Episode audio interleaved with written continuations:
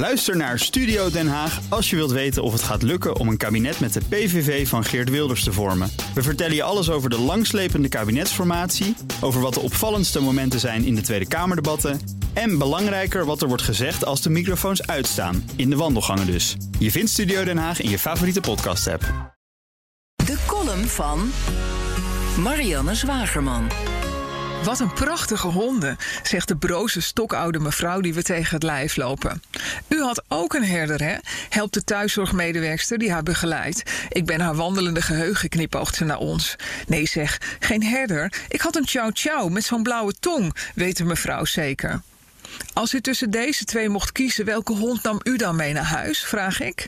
Oh, die herder, wijst ze stralend naar Beertje. Ja, want ik had vroeger ook een herder, moet je weten. Eindeloos veel plezier gehad met die hond. De thuishulp draait met haar ogen en wij lopen lachend door. Wat moet de wereld verwarrend zijn als mensen je steeds iets proberen wijs te maken waarvan je zeker weet dat het niet klopt? Een lange rij politieauto's en ME-bussen rijdt ons tegemoet. We passeerden al een imposante verzameling politiepaardentrailers. Meer politie dan demonstranten op de been, zegt Jan. Via de autoradio hoorden we net nog dat er duizend mensen naar de verboden demonstratie zijn gekomen.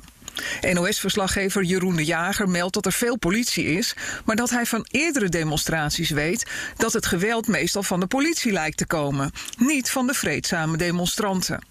Dat is ook mijn waarneming. Vorig jaar in januari liep ik een licht trauma op toen ik vanuit het niets moest rennen om waterkanonnen en politiepaarden hoeven te ontwijken.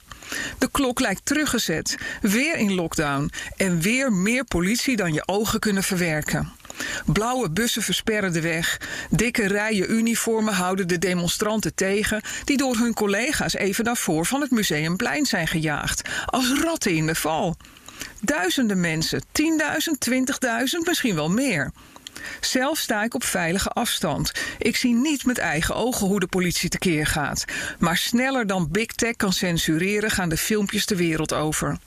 De Nederlandse politiehond, die als een wapen zonder vergrendeling slachtoffers maakt, is op slag beroemd. Zelfs Joe Rogan retweet de video naar zijn miljoenen volgers. Maandag belt een Engelse vriendin me bezorgd op. Wat is er in hemelsnaam in Nederland aan de hand? Het is all over the news dat de Amsterdamse politie burgers mishandelt.